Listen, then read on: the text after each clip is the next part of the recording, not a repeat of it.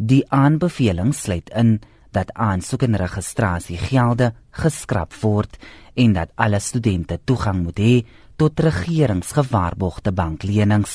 Die minister van hoër onderwys en opleiding, professor Glinkiwe Mkhize, vra dat studente nie moet betoog terwyl die regering 'n oplossing vir die saak vind nie. I appeal to all constituencies, especially student leaders and management, to ensure a peaceful end to the academic year, including allowing examinations to be completed without any disruption. The security and safety of staffs and students on our campuses must not be compromised. Mkhize kon nie 'n datum verskaf vir wanneer die oplossing gevind sal word nie. Meetings have been taking place at a fast rate, late at night, and different people, their presentations have been made to them. So I think we are close to getting to the solution as to how to manage the financing of university. I've seen the seriousness of colleagues in looking at this and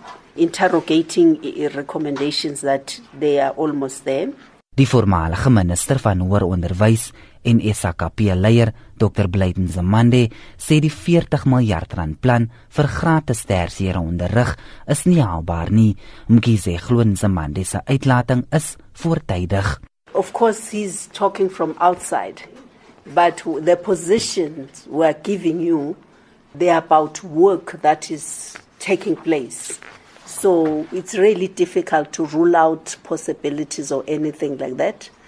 Uh, hence, we have said, let's just wait for the outcome. 'n interministeriële komitee wat die minister in die presidentskap, Jeff Radebe, en finansies minister Malusi Gigaba insluit, is aangestel om die aanbevelings te bestudeer. 'n Aankondiging oor die verslag sal gemaak word sodra die komitee sy werksamehede voltooi het. Die verslag deur Pumzile Mlangeni, Jean Estreisen, SAICONIS.